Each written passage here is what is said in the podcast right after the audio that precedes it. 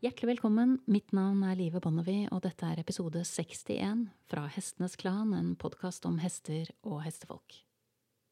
Dette intervjuet med Tina Buddeberg ble spilt inn 8. august 2020. Men så oppsto det en situasjon som gjorde at det ble liggende uredigert og urørt i nærmere et år. En situasjon som gjorde at jeg trengte tid til å orke å hente det fram igjen. Og før jeg kom så langt, hadde jeg også gått mange runder med meg selv med tanke på om jeg syntes det var etisk riktig å publisere det i det hele tatt.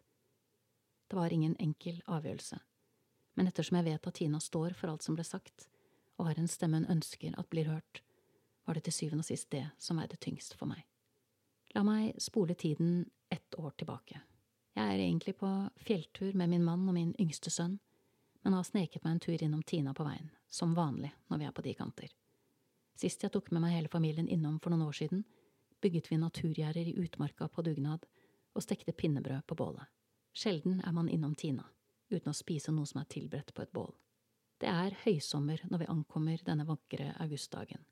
Sola skinner fra blå himmel, og det er en og annen hvit sky som glir forbi idet vi krysser brua over den brusende elva og møter Tina i Drømmedalen. Gården hennes ligger idyllisk til i randsonen av Rondane nasjonalpark. Hestene går og gresser på vollen mellom elva og tunet, og som alltid er det tilreisende gjester på plass. Denne gangen blant annet i form av snekkerhjelp fra Tinas hjemland Tyskland. De som jobber på gården er ofte en form for woofere, woof som i World Wide Opportunities on Organic Farms, det vil si folk som primært jobber for kost og losji i kortere eller lengre perioder. Det kan også være praktikanter eller andre som på ulike måter ønsker å bidra med sin støtte til Tinas enkle livsstil og utradisjonelle drift.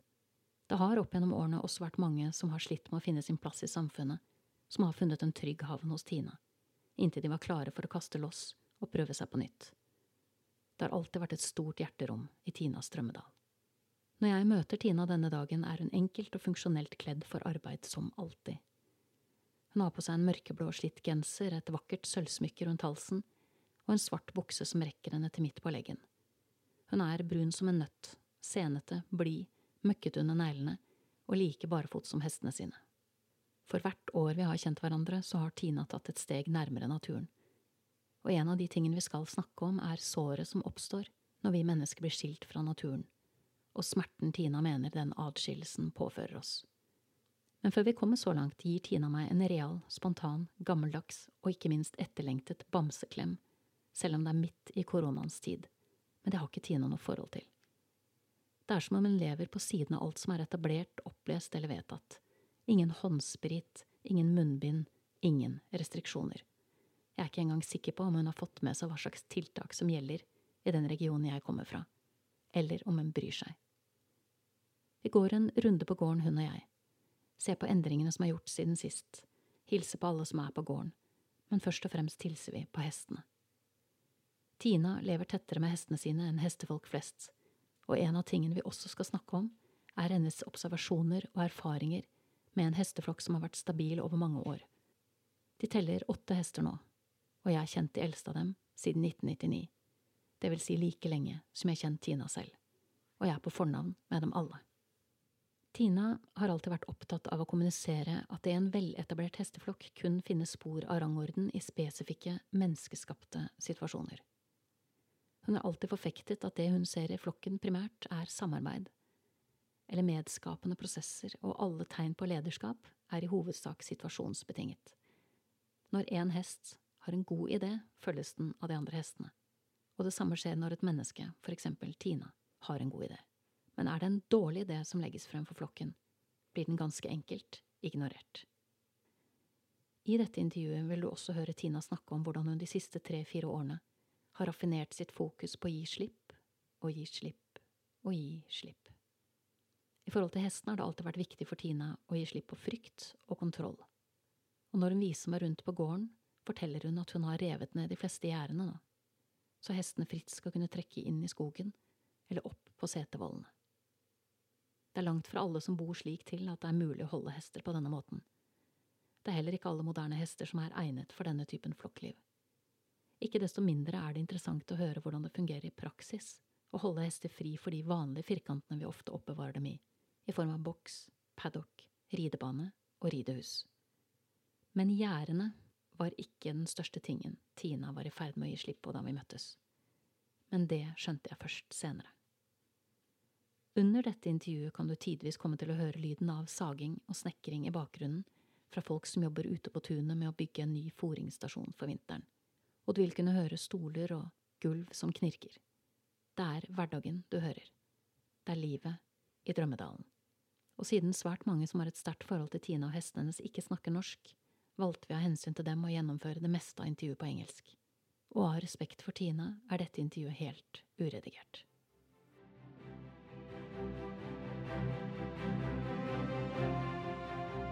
Jeg tenker at jeg bare setter den på sånn at den er i gang nå. Ja, det er fint. Og så tror jeg jeg skal sette den enda litt nærmere ditt fjes. Ja. Sånn. Skal vi se. Hvis Ja. du snakker nå Er det fint sånn? ja, det, Nå er det Ja, perfekt. nå er det perfekt. Ja. Ja. Jeg vet ikke om jeg klarer å sitte sånn hele tiden, men Nei, nesten. men sånn. Røffelig. Mm. Skal vi se. Ja, men det ser bra ut. OK. Ja, det er veldig mye følelser for meg òg. Mm. Ikke sant? For at når man vil mye med podkasten, Ja. Så, så blir det så mye som står på spill, og så blir man veldig oppi her. Og jeg, det er derfor jeg hele tiden prøver å tenke nei, Mm. ned. Ned til det naturlige, ned til hjerteenergien. Mm. Ned til det stedet hvor man snakker sant. Da. Jeg tror det er en av grunnene til at podkasten har gjort det såpass bra. Ja. Det er at det er ikke så mange som gjør det nå. De fleste er liksom veldig oppi hodet og hva Ja. er morsomt og hva er kvikt og, Ja. ikke sant? og hva er catchy og sånt. Og jeg tenker jeg må drite i alt det. Vi skal et hakk lenger ned. Og vi vet ja fra hestene at ikke det funker ville nå. Ja. så det er akkurat det sånn samme, ikke sant? Ja, ikke sant? Så planer er der for å forandres. Ja. Ja. Det er utrolig hyggelig å se deg. Ja, i likeså. Det er så langvarig vennskap. Og ja, Men det er så interessant, når jeg kommer opp hit, så kjennes det ikke ut som det er fem år siden sist. Nei, Det kjennes ut som noen uker. Og det er det som er veldig det er så bra. fint. Altså. Ja, det er en kontinuitet. Ja. Ja, det er det og jeg er så takknemlig at jeg får lov å ha en stemme her i ditt Ja, men det er kjempefortjent, da. Jeg tenker at det er viktig altså, eh, Som Anna Blake sier, altså. Det er noe med at noen må lede foran og si at vi skal gjøre det annerledes enn vi har gjort det før. Ja. ja. Og, og det er noe med at det skal da ikke være for stor avstand mellom liv og lære. Nei. Kanskje uh, i og med at jeg er profesjonell billedkunstner, Mm, så sant? har jeg den der evnen å forsøke å tenke annerledes og ikke bare følge flokken. Mm, ja, ja, for det har du virkelig ikke gjort. Nei. Og det, og det har noe med det der vilje til eksperimentering, og jeg liker nye ting. Jeg liker forske, Mm. utforske. Ikke sant? Eh, så det er hele Drømmedalen har jeg oppstått på den måten. Ja, ikke sant? At det er en stadig utforskning, og jeg vet ikke om jeg blir værende der jeg er nå. Det tror jeg ikke. Mm, ikke Så sant? det er en prosess, det er ikke et ståsted som er Nei. spikket. Nei. Det er det som er så fint, at du hadde en gammel Drømmedalen Ja, som virket helt unik. Ja. Og så her har du en ny Drømmedalen som virker helt unik. ja, ja.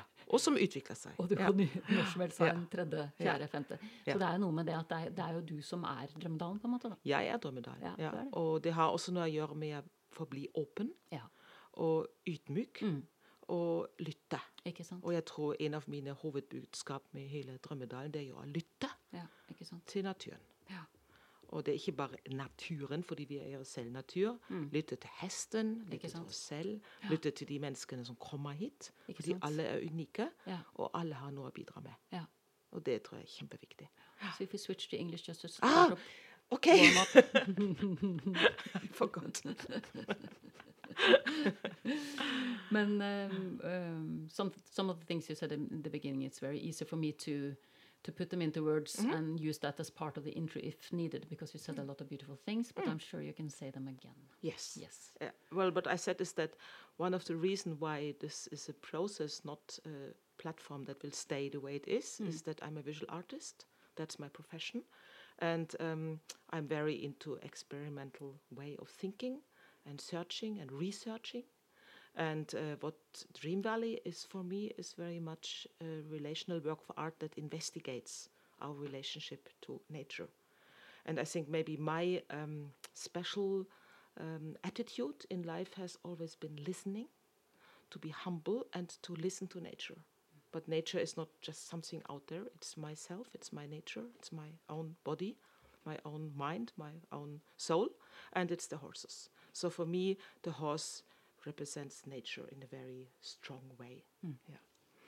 So, can you say a little bit about uh, the journey from where you were, where you kind of in a period of time lived uh, from uh, taking tourists out riding in the mountains, and um, uh, the journey to come here to, to Dream Valley that is this place that you have created, and also say a little bit about what Dream Valley is at the moment.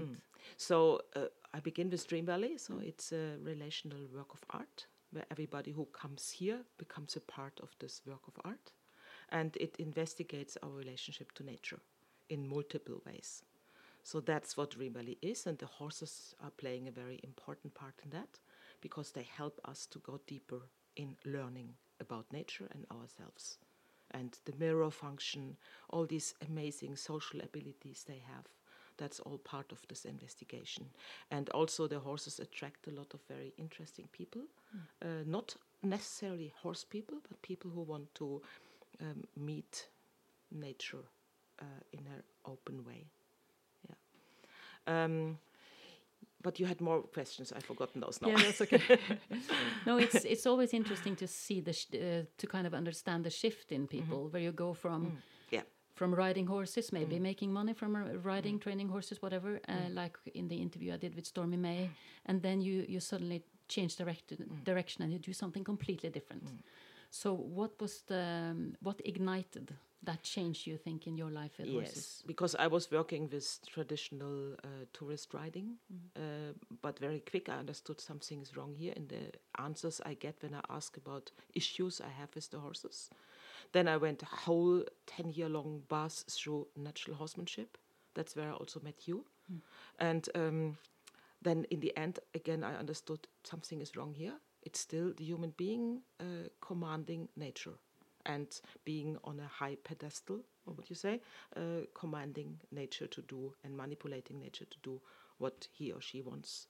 And uh, then there was a really big crisis in, in, in my whole horse thing.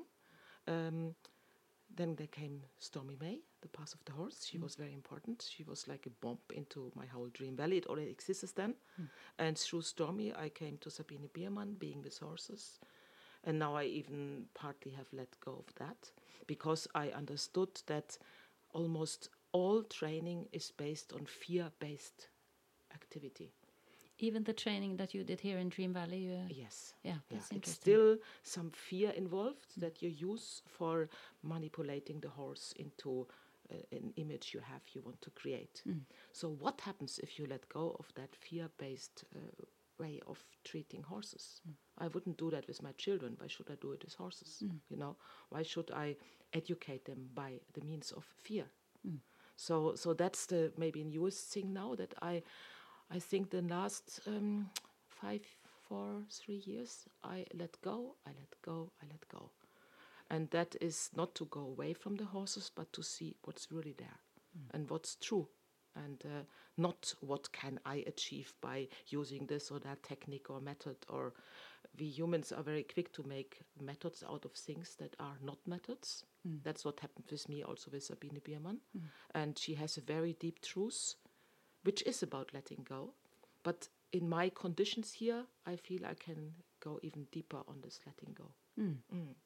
And that's how I also came to Maxida Vogt and Academia Liberti, because uh, here horses have so much space, and the model is really a wild horse model, but at the same time in a domesticated environment. So, how can you combine the wild with the domesticated? And hmm. that's what we practice now. Hmm. So, yeah, but a lot of space is needed. A lot of space is Yes. needed. and how much is a lot of space? Well, I mean, the, the, the, the, the thumb rule is that you need at least one hectare per horse, Okay. which is, I think, T mål. Hmm. Yeah, I have 30 mål here in the farm, mm. so that's for three, four horses. Yeah. Yeah, but I have the wilderness, the mm. outskirts, and I have the mountain farm, and it seems to be expanding because the more the horses are at home here, the less they would leave the area. But they also get home in wider areas. So mm. now they're home at the mountain farm. They wouldn't leave that because that's a safety zone. So over the eight years, their safety zone and my safety zone and my trust has widened and widened and widened. And so the fences go. It's mm. really amazing process, you know. So you don't mm. have any fences outside the uh, farm anymore? Um, some, mm. but it's a process. Yeah. because it's maybe also i mean horses are routine animals and they also appreciate fences as long as they mean safety for them. But then they get used to an environment and they don't need the fence anymore. So it's not like okay horses here's all your area go free then they disappear Yeah. but it's like okay this is the core area and then this is the second core and it's just slowly widening and the fences help to define the core areas but they mm. get wider and wider. Yeah. yeah. And more and more it's like okay you need a fence to provide them to go to the main street. Mm. You need of course fences so they don't go of neighbor's yard. Yeah. but here on the farmyard we always have open. Mm. So there's no they can always leave if they want Yeah. but they don't. No. i mean my challenge is that they love domestication. I want them wild you know? But they love the comfort and uh, they love me giving them good stuff like nice hay and stuff like that. So Yeah. so i have to throw them out into wilderness every afternoon. Yeah. Mm. but then they're fine. And if i would wait they would go out by themselves at around nine and i throw them out at five. Now it's now it can change but um, now i have to throw them out because i if not i have to do too much uh, picking up of horse uh, apples yeah Mm. so um, the half wild concept is working but the horses um, like home like safety Yeah. very much and like routines So is Yeah. that ex- uh, is that your experience that they have actually uh, found some good in the domestication? I think as long as you don't treat them violently, you don't treat treat them with fear-based behavior, you uh, don't demand things of them that they wouldn't like to do, um, and when you give them the free choice, which is a very important uh, principle here in Dream Valley, then they choose to have this safety that we represent. They they also like the stimulation. Now we have somebody building a stable, and they love to be around and listen to all these saws and things. So we must not keep our horses away from our life. Hmm. So here the horses go in the farmyard. They can come into the window and say hello. I need my blanket. Or you know, it's like a, it's like living together. Hmm. Not here is the fence, and behind that you have the horses, and hmm. here's the human area. So, yeah. And this is also really the key why I really wanted to talk to you because you have you have eight horses, and they've been in a stable herd for eight years, uh, and that gives you a very unique voice and position in speaking about horses as a group of horses, what their life is like, um, and uh, and how they operate Yeah. basically. And I would be really interested to hear your experience then about uh, what it has taught you to mm. live, because they are literally just outside your house mm. at all times, mm. and you really. Um, I know this because I live far away. You really, really wouldn't, you know, leave the farm and go somewhere else. So, so you are part of that herd. I'm part of the herd, and I also say home is where my herd is. Yeah. So if I change home, it is because the herd, herd has found a better place, Yeah. or we have found a better place. So Yeah. Dream Valley is a concept; it's not necessarily a site. So not necessarily this physical No, place. no. But uh, if I would change uh, the site, it would be because it would be even better for the herd, even Yeah. more space. Yes, you will follow the horses. Yes. This is yes, how I yeah. actually left home when I was uh, 18. Yeah. I uh, had my horse at a different farm for the summer, so he could graze there, and he he looked so good, Yeah. and and uh, was in fantastic shape, and really really happy when I got back. Yeah. And I thought I can't take him away, and then I moved to the farm. Yeah. There you go. so there you go. So I know his feeling. yeah. Yeah. Now, and um, I mean, I have experienced that when you take a new horse in a herd, it takes at least four years before that ho- horse is part of the herd. Ah, like a true Yes, part of them. really Okay. becoming be accepted. It takes four years, and it's a long time. And we change the horses all the time. People do in the other environments and sell and buy and bring in and out, and they they need time to establish deep relationships. So I have the philosophy: if a horse comes here, it's for staying the life out. And then we have to deal with the issues that are, because of course these horses have not chosen one another. Uh, if you look in the wild with the wild horses, they would choose their family groups in a much more, in a wider uh, extent. Here they have to deal with this guys that I put together, and that was accidental who ended up with me here. But um, it's really interesting to to dev- to see the development of a herd over many years that is stable and that I believe to really operate like a herd, given the conditions we have.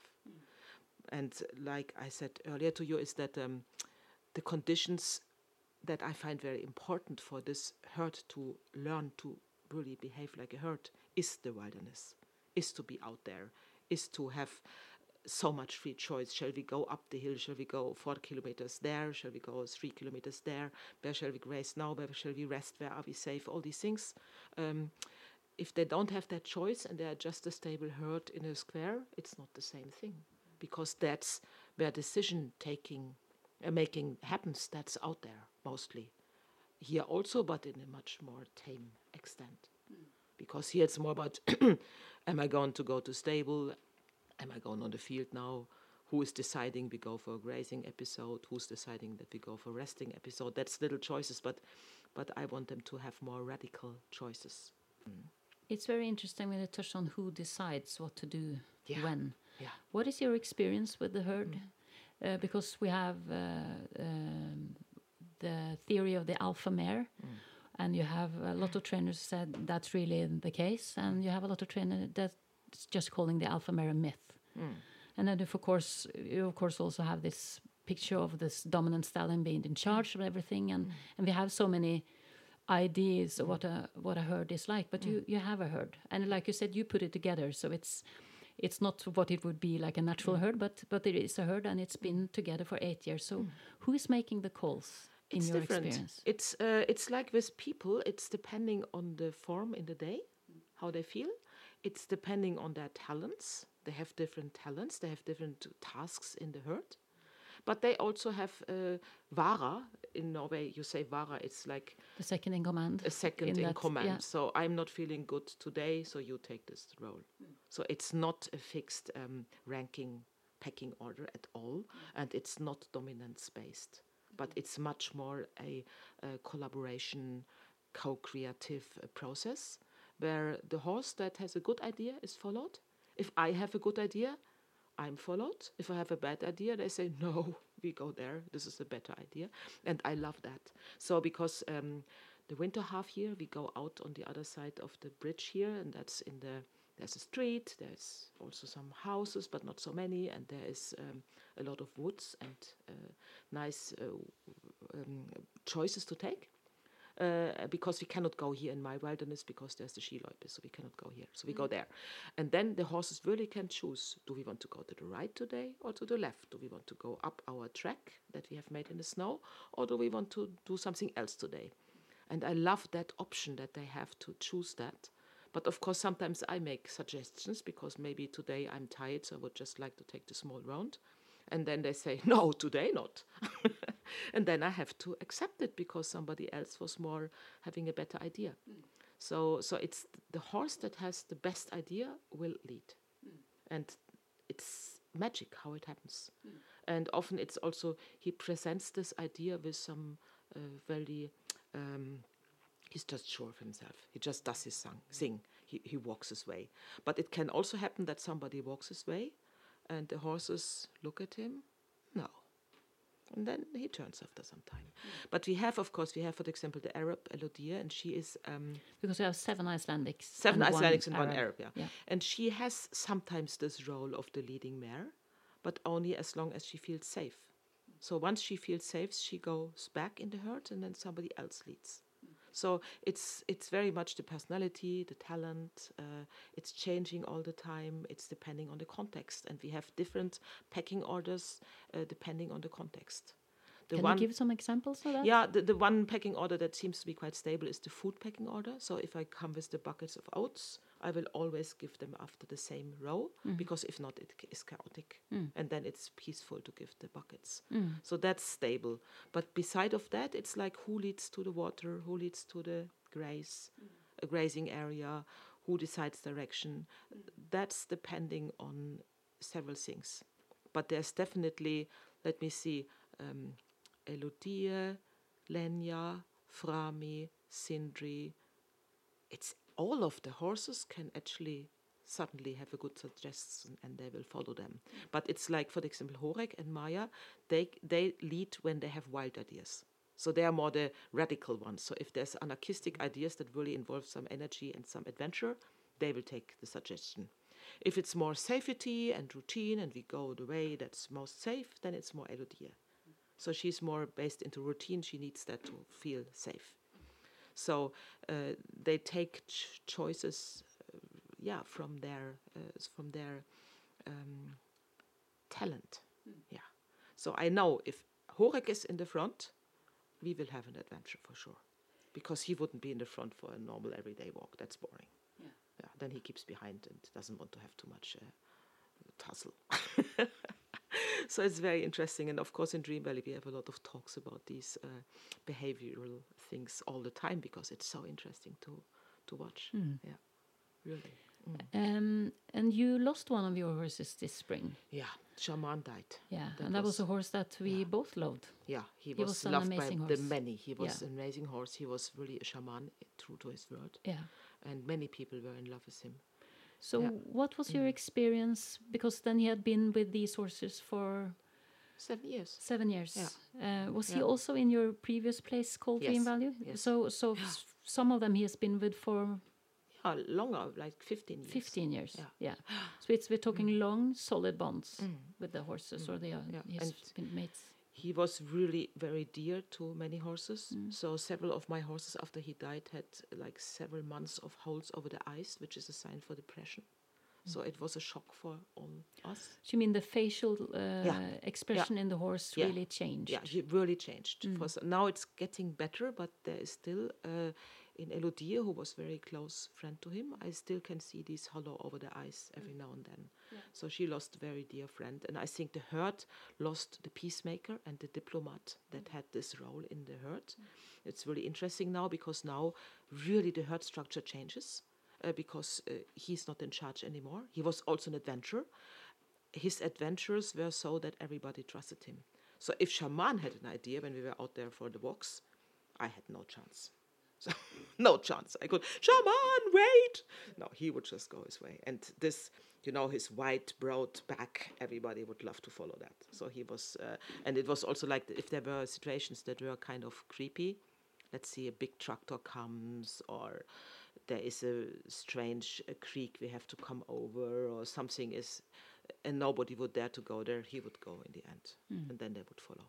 So he was giving a lot of peace and trust and uh, friendship to the horses. And now this element is gone and they have to rearrange one another. And first thing that happened after he died is that there came a very different um, constellation in because we have one mare, uh, Lenya, and she suddenly became very attractive.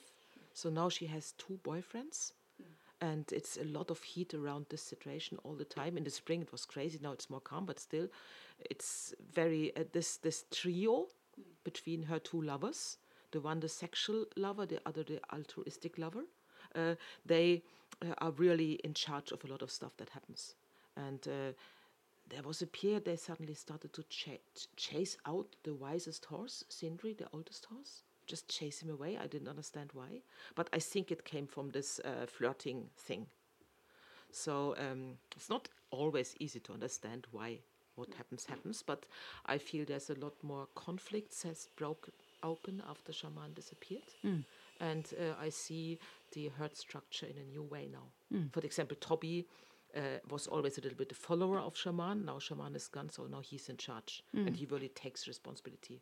We did uh, get an example of that uh, just uh, 30 minutes ago. yeah, there came this machine, this big uh, packing uh, round bales on the neighbor field, and Toby really took charge. You know, what is Yeah. this thing, this dinosaur there?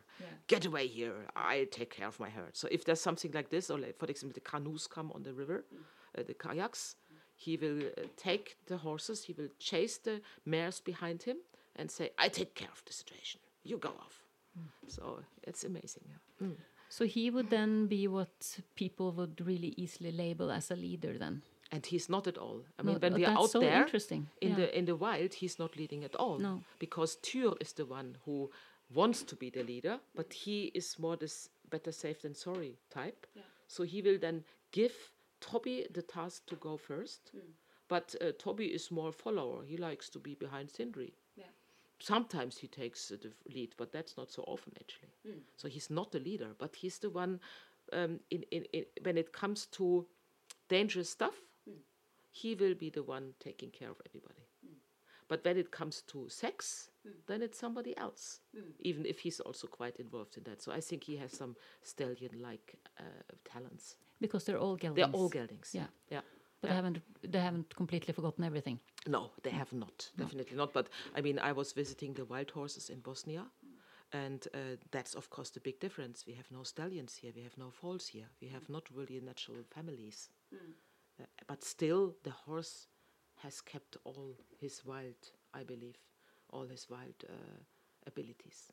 So we underestimate their uh, wildness and their intact instincts of uh, being in a herd animal, which is they're so highly social. That's their most important uh, uh, uh, survival uh, aspect, I think. And something it's very easy, I think, also for us to take advantage of, because they they want to cooperate Yeah, and they want to relate. And we say, please relate to me and cooperate on this. Yeah. And even though they may not think it's the greatest idea, uh, maybe because it's fear based and you can add some aspects, they, they still go along with it. yeah, Because cooperation is really their nature, yes, it is. the Yeah, core of it. yeah, yeah. Uh, I just had a thought now, but I, I lost it. They cooperate, yes, because many people come here and ask me, but Tina, are you the leader of the herd? I hope you are. I'm not. and I don't is- have to be. No, but this is this is a really for a lot of people this would be a really radical concept Yeah. because because being in charge Mm. as a human with animals is so important because if you're not in charge you're not safe. That seems to be the the going rate. And that's not my experience. Not I my mean, experience either. really not, because they, in many situations, they know better. And why should I always have the last word? Word because also in training you always yeah I have to you have to end the training in a good note. You have to have the last word. If you don't do that it will not be nice nice next time. You will not have success. I think it's bullshit. They're just more like like us. Because if there's a situation where one of the horses knows better um, it's not because this horse is more dominant or has more power or in this situation he may have and then i can learn from that because for me the horses have really become teachers. And um, and they have uh, kept more of relationship to nature where we people have become much more separated. And i think this is the deep wound of our civilization separation from nature. And and and they can l- teach us to have a little bit of that back. Yeah. So Um, Eh, we've both both seen Klaus Ferdinand Hempfling, uh, and he has this very um, clear concept of a horse being nature incarnated. That mm. horse, a horse is pure nature. And if you think of a horse as pure nature, then it's also easy to see why we need to control it, because that is what we always do with nature. We control and shape with our gardens, with everything. Everything should be shaped and and uh, molded into our, you know, way of seeing life.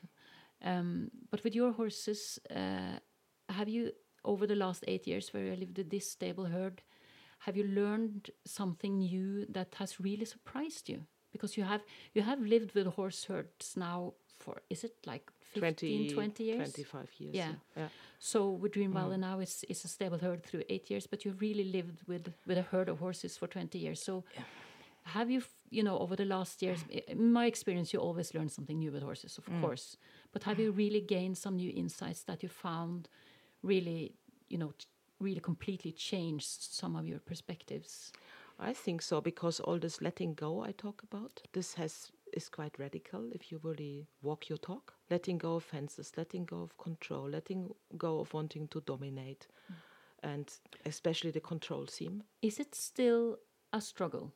I must ask you because of course. because this is also my experience that this way of being with horses is so um, deeply, you know, it's something we really been taught from an early age, and and to let that go, even though you you know you want it, you need mm. it, you feel it's right, but mm. still, you have that core. Mm. That strive for dominance, manipulations, and your experience is that it's still there 20 years It's, later. it's fear based. In I you? mean, I need to control because I'm afraid. All right. Okay. So if it I let go of the fear, Yeah. I can let go of the control. And what do I gain? The trust. Mm. The trust of my horses. So it's amazing. And that's maybe the most important uh, insight that uh, to let go of fear uh, towards the horse, towards the situations, is to gain trust. And that's wonderful. Trust in myself in the end, and trust in nature, and trust in the horse's nature.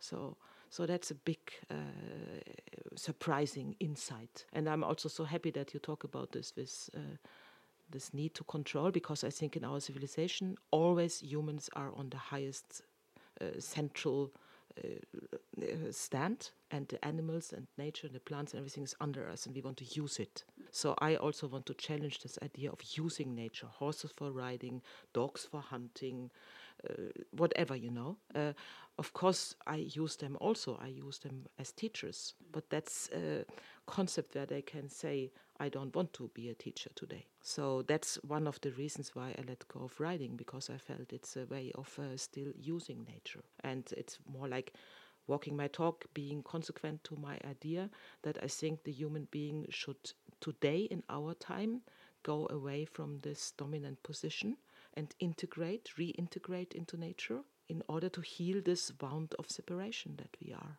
part of. That is really, I think, if everybody feels really deep inside, they can maybe feel that uh, pain that it causes. And, and what we do to ourselves, we do to our animals. So, and our environment and everything. And we feel that the species are disappearing from the planet. We feel that everything is going quite extreme and it, it, it's a pain. So, what do we do with the pain? And I think then we need models of a different way of living more in interbeing with nature, not the dominating of nature. Mm. Yeah. So. Hmm.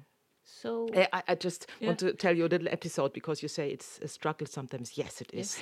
like last week, I had two customers. We planned that wonderful walk, free meditative horse with the tour, with the with the herd, and uh, we decided, okay, we go that direction because it's the most beautiful uh, landscape so the views scenery is nice. the scenery is more beautiful. So yeah, we do it. And yes, I know the horses don't like to go that way, but we take the halters on. I mean, for this short stretch, that will be fine. So we put the halters on six horses, and we, uh, yeah, we didn't to struggle long before I understood that it didn't work. Yeah, we just gave up after maybe three minutes because it was clear they would never follow. So yes, and it was like you know you have the customers, they have paid for the whole day. You want to show the free herd, blah blah blah, and then it doesn't work and we let go. We let the horses uh, their know. We let them choose their direction. They choose the other direction, and we had the most wonderful day. Hmm. And then we had to change some other ideas because there come some Shetland ponies, and we had to go somewhere else. And the day was perfect. And I think especially that lesson of not doing what we wanted to do hmm. and to have the horses decide and to have that fine. That Yeah, was that so flexibility of the important. Yeah, that flexibility of the mind hmm. and that acceptance of their no doesn't lead to a no, no, no, but it leads just to their ways. And that's why people come here. They want to learn about the ways of the horses. So why should it always be our ways? Then it's still manipulation. But that's like layers and layers and layers, and that is hard to to accept in myself, you know, of course, yeah. And mm. also the key word then being you are paid for something. Yes. Yeah. Yeah. because yeah, because this is this was really also something I I had a bit of concern with with my book because it's it is really when money comes into the picture that it gets difficult Yeah. to to mm. stay on the horse's side. Mm, mm. Because money is there to kind of point out the direction that is that is already it's it's a commodity Yeah. and and the customer has paid for it and you have to deliver. That was interesting with Per Wolle that I also interviewed at dressage, Norwegian dressage rider. He was at an event and was supposed to perform something, and he could feel that uh, Lisbeth Salander, as I used to call his horse, and he calls her that himself, she didn't have her day. Yeah. She it was a bit hot in the in the arena, and he felt that uh, this was not her day. And instead of just keeping keep on doing what he was supposed to do, show off and do the things that you know, brideless riding or whatever it was, he just got off and, and so didn't. cool. That's so good. And but it's so unusual yeah. Yeah. because because we and and that's really one of the things that bothers me. But a lot of things that I see Mm. in arenas where you're showing things that horses can do. I think as long as we have the monetary system we have now, uh, it's the one of the deep deepest roots to our separation from nature. So to to find a new way of economy, a gift economy, and to let go of all these concepts. That's that's what we have to go through in order to save this planet. I think so. M- money is so deep involved in in our not relating to nature. So yeah, it's a it's a big step. But you did give a very concrete example of having two customers and they paid. um, how uh, how do you um, find a way to to keep your place going, but without uh, the horses then having to pay that big of a price for it? It's like you say, you you allow them to choose, but sometimes that old voice comes into your head Of saying, course. "Let's put on the halter and get the job done." yeah. you know, so, so so finding that balance must also have been a huge challenge. Yes, it is a challenge every day. Yeah, and uh, but it's like, I mean, I do practice meditation on a regular basis, like mindfulness, and you learn to observe your mind, and you re- create that little gap where you see how you tick, and that can help. So you can see like, ah, now I go into that control mode again. Okay, let go, let go, let go. So I think meditation is very important for that and a lot of observing myself, how I operate in situations. But of course, it doesn't always work. It's a learning process. There was one other situation on that day with the two customers where, you know, I think I have to deliver. We had a wonderful lunch. The horses were lying down around us, sleeping, just directly beside the campfire place. It was so peaceful, it was so magic. And then I think, aha, lunch is gone, so now I have to guide the meditation, which was of course bullshit. And actually, it brought everybody out of it, not more into it. But I thought I have to deliver.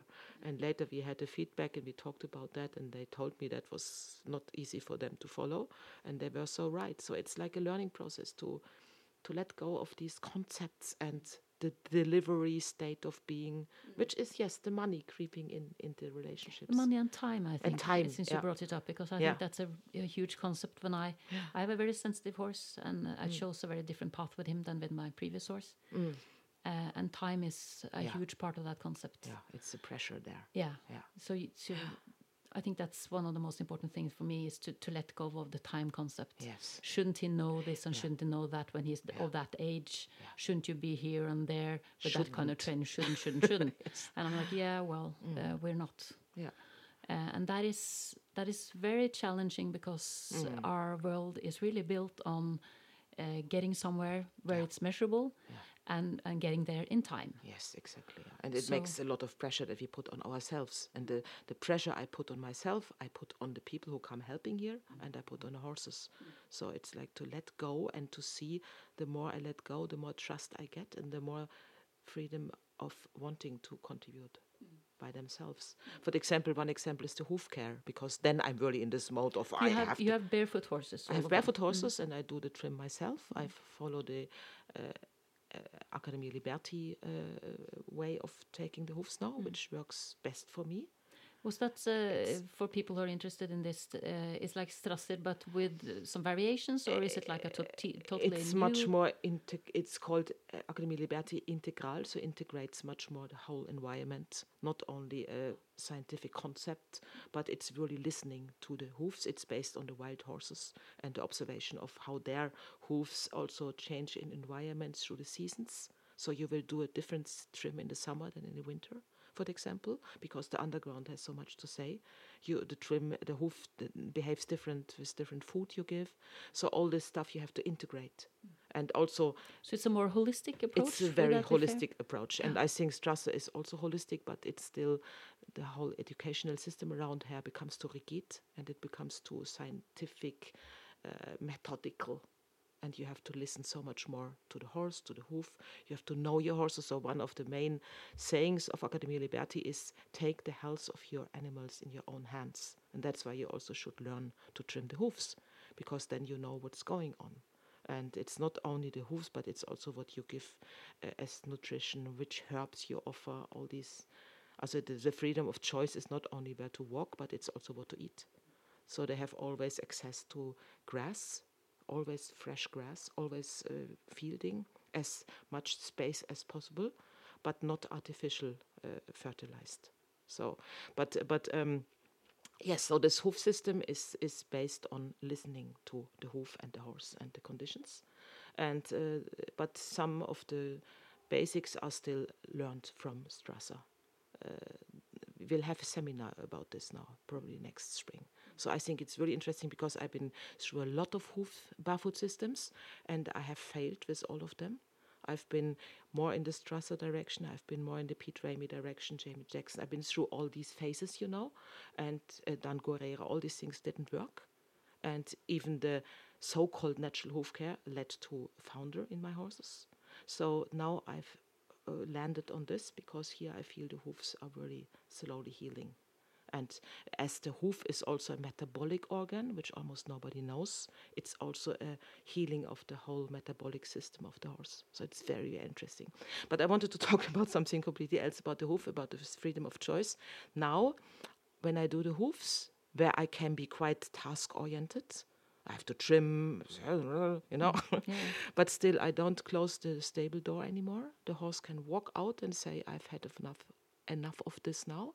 He's offered food while I do the work, but he's not haltered. He's nobody keeps him. Nobody. I'm there alone with the horse, and I do the work. And when he says it's enough, it's okay. And the interesting thing is that when they are allowed to say now it's enough, they stand in front of the stable the next day.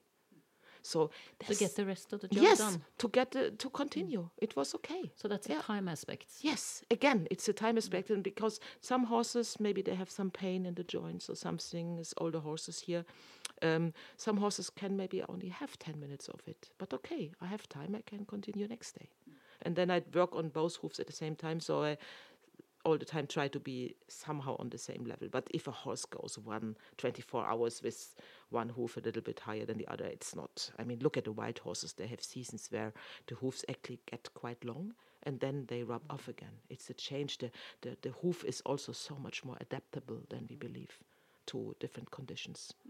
It doesn't need to be perfect all the time. Mm. So. And also, mm. you said uh, coming with this concept of how to to trim the hoofs and, and work with them. You also said something about food. So you said the horses are they have hay and they yeah. have grass. Yes. But you also mentioned herbs. Yes, they have minerals a, and they have a herb bar. Okay, uh, herb so bar. in the in the winter, I offer the herbs they find in the environment here. So we offer we, we collect a lot of herbs during summertime, uh, and in the summer, it's a financial thing. I would love to offer them some herbs they don't get in this area, but it's quite expensive to buy herbs, you know. So I really. Um, I also think they have so much. I mean, they have so much space here, so they find the stuff that. And I've seen them. I even seen them sometimes take a little nip of a poisonous plant, but that's why they really have a very strong, intact eating instinct. So they know what they need when they need it, and uh, that's so interesting to watch when I have this herbal bar. Which horse? What's what? Oh no, this is not interesting for me, but this is very interesting. And then the other horse. Oh, what's that? Yeah, that's what I need now. So uh, it's a little bit difficult with eight horses to have enough there all the time, you know. But I in the winter I fill it once a day, and then they also have a mineral bar, and that's like they have the same instincts for the minerals. I have copper, which is completely blue. I have um, calcium. I offer them some uh, natural clay. Uh, they have tongue meal always as much as they need. They have um, magnesium, so they have all these stones and swo- schwefel, swovel, uh, I don't know sulfur. Mm. So, and uh, in periods, for example, in um, in spring, they will lick a lot of copper. They seem to need it. They know it. And if you taste that copper, it tastes horrible, horrible, you know. But they know. And also, I mean, when we are out there, they eat earth. I even have been starting to eat earth myself. Eat. Now, earth. Well, earth, yeah. Earth. yeah.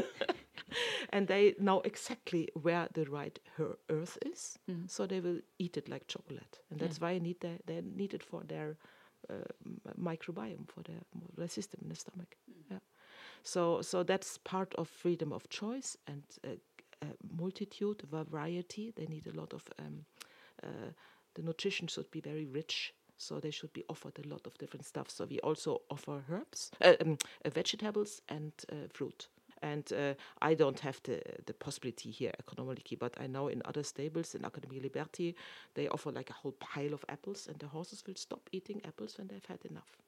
So all this fear has gone. the fear of fructan, the fear of sugar. Of course, I would never give them processed food. So I don't give them mixed stuff. I wouldn't mix something into a herb so they eat it. It's not me controlling that. They know better. But I would offer them the herbs. And if, for example, let's say this horse likes chamomilla, then I will maybe give him that in his food, in his oats, uh, uh two weeks. And then I will test him again. Does he still want chamomilla? So to trust nature, that's the thing, you know, and to listen to nature. I think that's very much the core of the whole um, place where I'm now, the whole Dream Valley, yeah. And to trust my own nature, which is the most difficult. because it is, mm. uh, it is hard work. I talked with Stormy May about this as well. Yes. That's that's going, um, turning your back on the conventional way of keeping horses. Yeah and the conventional way of treating them and everything, yeah. it takes hard work because then you have to really be integrated in yourself. Yes. You have to be in balance. Mm. Uh, because you have nothing to to fall back on, so to no, speak. No. That's that's I think yeah. that's been one of the most ex, uh, interesting yeah. interesting experiences for me. Mm. Mm. That uh, when you choose to have a horse where where fear isn't the thing you're doing, mm and where dominance isn't the thing you're doing and pain isn't mm. the solution when things go wrong, mm. then you really have nothing but yourself. Mm. And if you're then not where you're supposed to be, then you are in trouble, yeah, basically. Because they mirror you, they mm. feel you, and um, I have to work with myself. And if I work with my stress, I, I know I work on their stress. So, but it's hard because it's also, oh no, my horse has a stress related symptom, so it's me. I have to work on my stuff. Yeah. And that's the worst. yeah, because it never ends. No, no. Yeah. It's always a continuing journey up mm. some kind of a mountain. And yes. the view is more and more interesting, I think. Yeah. But it is it is climbing a mountain. Yeah, it's a climbing mountain and we have to do so much healing to do in our world. So much healing, so much toxic environment we live in, so much uh, toxic thinking, so much uh, method based, fear based uh, way of being, you know. so it's it's a pr long process. It's yeah. a long process. so how mm. does uh, how do people respond when they get here for the first time in your experience? Mm. Because uh, I assume that some of the people who come to visit you and stay for a few days mm. or a period of time in Dream Valley, they come mm. from the modern natural, uh, not the natural mm. world, but the modern world, yeah. modern busy world, the human world. Yeah where you, where you have a job, mm. you have this, yeah. you have that, and it's all a time schedule and, and getting as much done as possible in a short amount of time and all that thing. And then they come here and it's completely different. so mm. how how do they? I, I'm not for sure everybody is different, but do you have kind of some things that comes up almost every time when people come and visit you, or have a lot of people already decided that the time issue and the money issue is a bad idea, and that's why why they found this place? Mm. I mean, first, first, it's for me. I'm living here, so it's a little bit difficult to perceive what's so different. For for me, this has become normal. Yeah. You know, yeah. so I'm not so good in judging this. But uh, of course, we live very simple. We have only an outdoor toilet. That's maybe the worst for the people, the outdoor toilet. And um, we we live vegan. We try to learn from the horses to use eating instincts more again and um, it's a lot of work. It's physical, but um, of course, I warn people before they come here. That's very important, so they don't have wrong expectations, and they know it will be hard work. It will be challenging. It will be with the body, uh, and uh, those who uh, have decided to take that challenge, they come back again and again. Yeah because they say it's their home. And i think it's maybe also something that somebody told me today um, i am very including as a person. So i um, i'm open because i know everybody is unique and everybody has to contribute with different stuff. Mm-hmm. so uh, it's really also learned by meditation. You must not judge people. And and then they feel welcome and they feel at home. And then like with the horses they oh i could repair that thing you know uh, Tina, could I repair that thing? Yeah, wonderful. I'm happy. So you have to you have to also find the talents of the people and to to accept what they can contribute. And for me, that is maybe the hardest process is to, as I'm a person who can put a lot of uh, pressure and worry on myself, and I will always do that with the people too. So now I learn to have less and less pressure and expectations on their contribution with the work but it still has to be done. Um, so that's that's not always easy to. It's okay. Take your time off. Do what you want to do, and then I feel if I let go, they will like to work here. But never, nobody likes to work under pressure. So yeah, and I don't. But I'm quite uh, tough with myself, and often way too tough. Mm. Sounds familiar. Yeah, you know. So, um, to sum things up a bit with you and your horses, they've taught you to um, be more present here and now.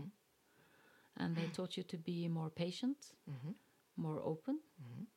Um, would you say that there are other things that you really feel that this is this is a lesson that I've learned from the horses that is really ingrained or integrated in me as a Yes. person now?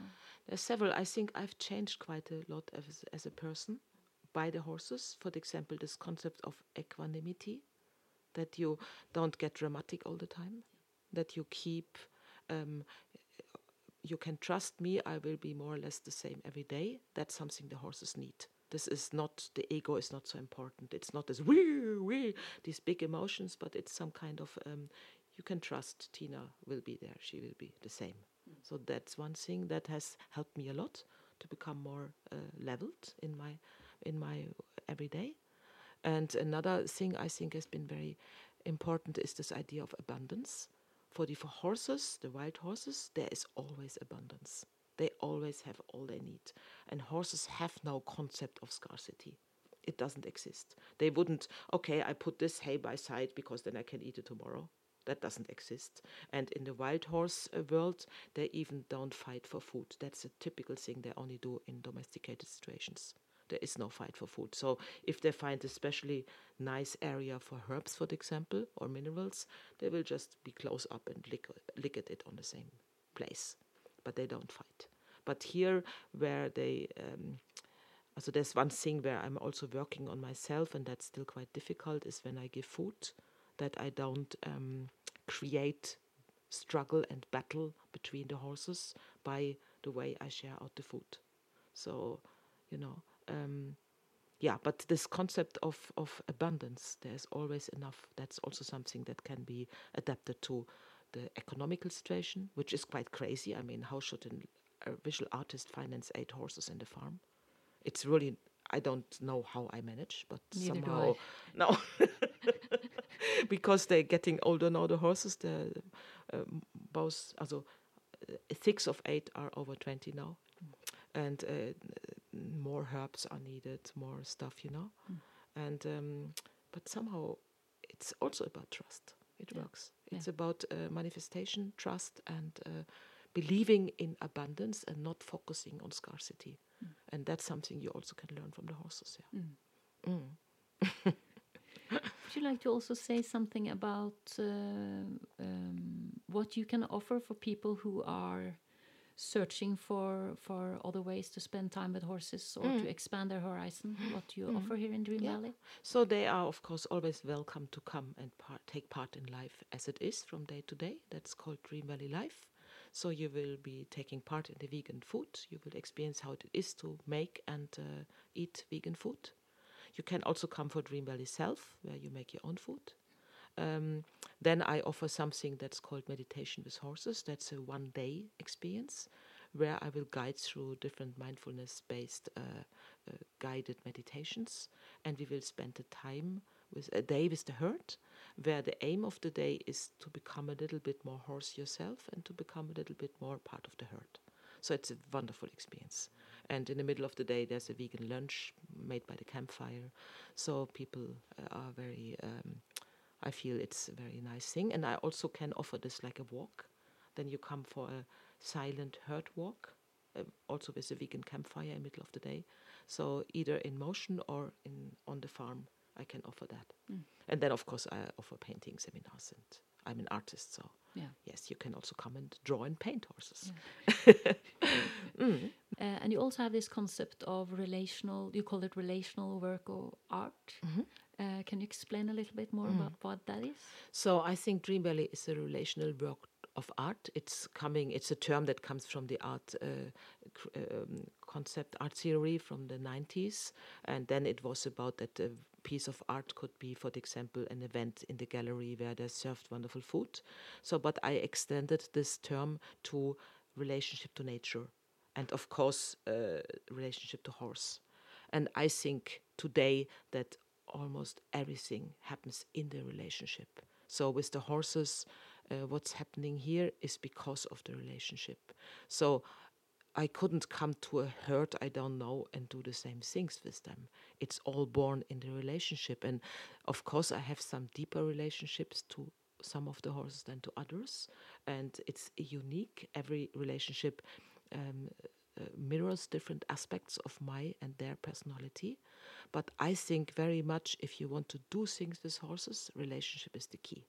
So you need to own your horse. Own is also a strange concept because how could you own nature, you know? But still, it's need to be your horse, and things will grow like a flower slowly in the relationship. So it's it's not a method, it's not a technique. It has to grow over the years and uh, through all the experiences you make together. And just now, I'm working on a series of artist books where I also try to draw, paint, and write about these relationships to nature and some are investigating their relationship to trees or to plants. For me, it's the horses, but it's also my own body, and um, it's it's it's the key.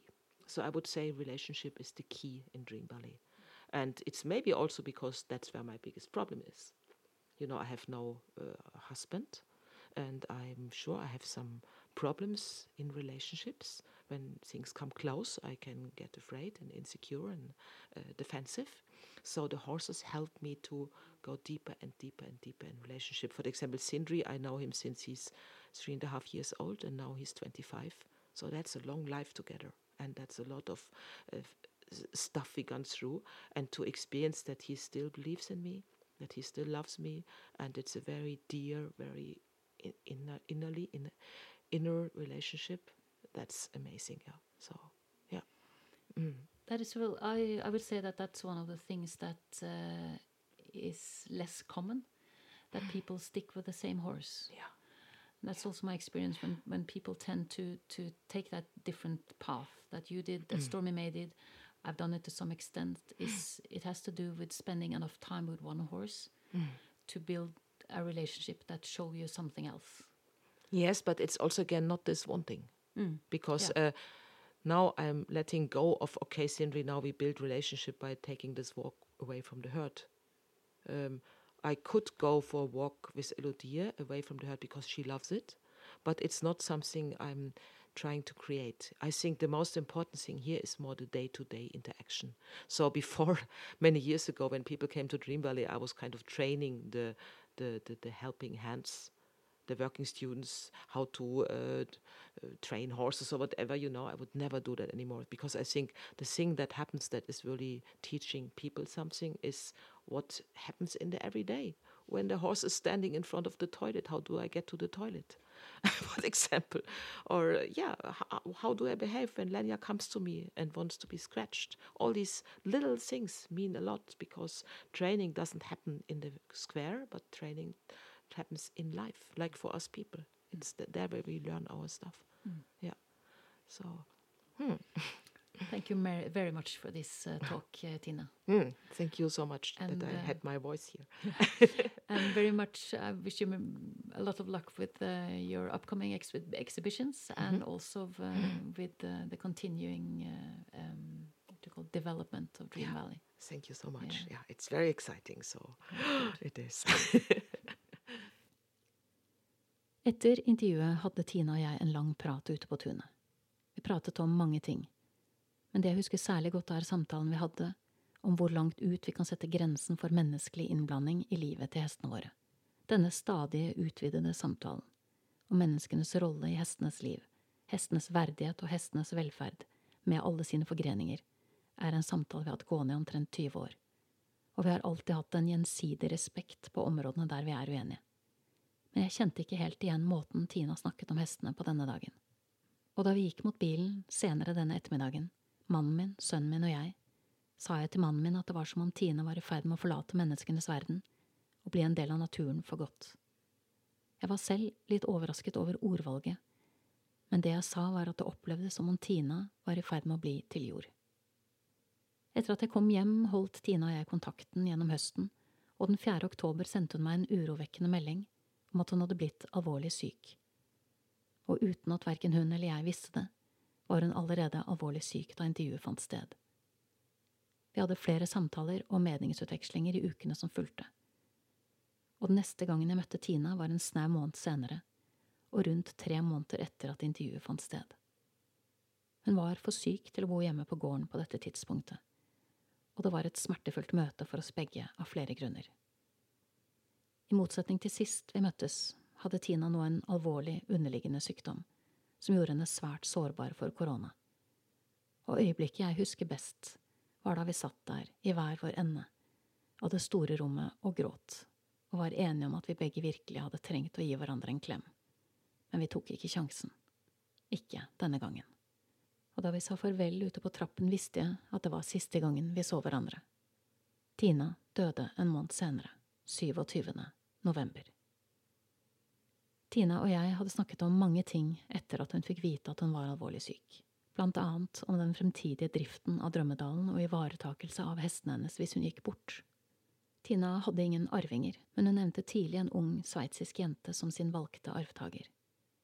Og selv om ikke alt det formelle var på plass da Tina døde, har gode krefter kjempet for å sikre at hennes siste vilje ble tatt til følge. Og 24. mars i år flyttet sveitsiske Vivienne inn og tok over ansvaret for hesteflokken i Drømmedalen. Og går alt etter planen, noe livet ikke alltid gjør, får du møte henne i episode 66. Du finner også gjengitt et Moment of Zen med Tinas hester i episode 11. Du har nettopp hørt episode 61 fra Hestenes Klan, en podkast om hester og hestefolk. Jeg lyser fred over Tinas minne.